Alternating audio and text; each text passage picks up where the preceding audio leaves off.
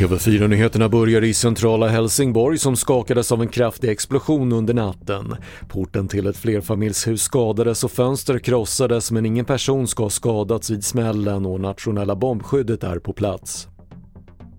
Efter Kalla faktas avslöjande kommer krav på att skärpa reglerna för att stoppa hemliga pengagåvor till politiker. Ulrik Åshuvud på organisationen Transparency International Sverige som kämpar mot korruption anser att lagen nu måste ses över. Det är uppseendeväckande faktiskt det jag sett. Jag blev lite chockad och upprörd över att det finns eh, som förslagsam, förslagsamhet i det här att man försöker hitta lösningar och kreativitet. Och inte bara ett parti utan flera partier.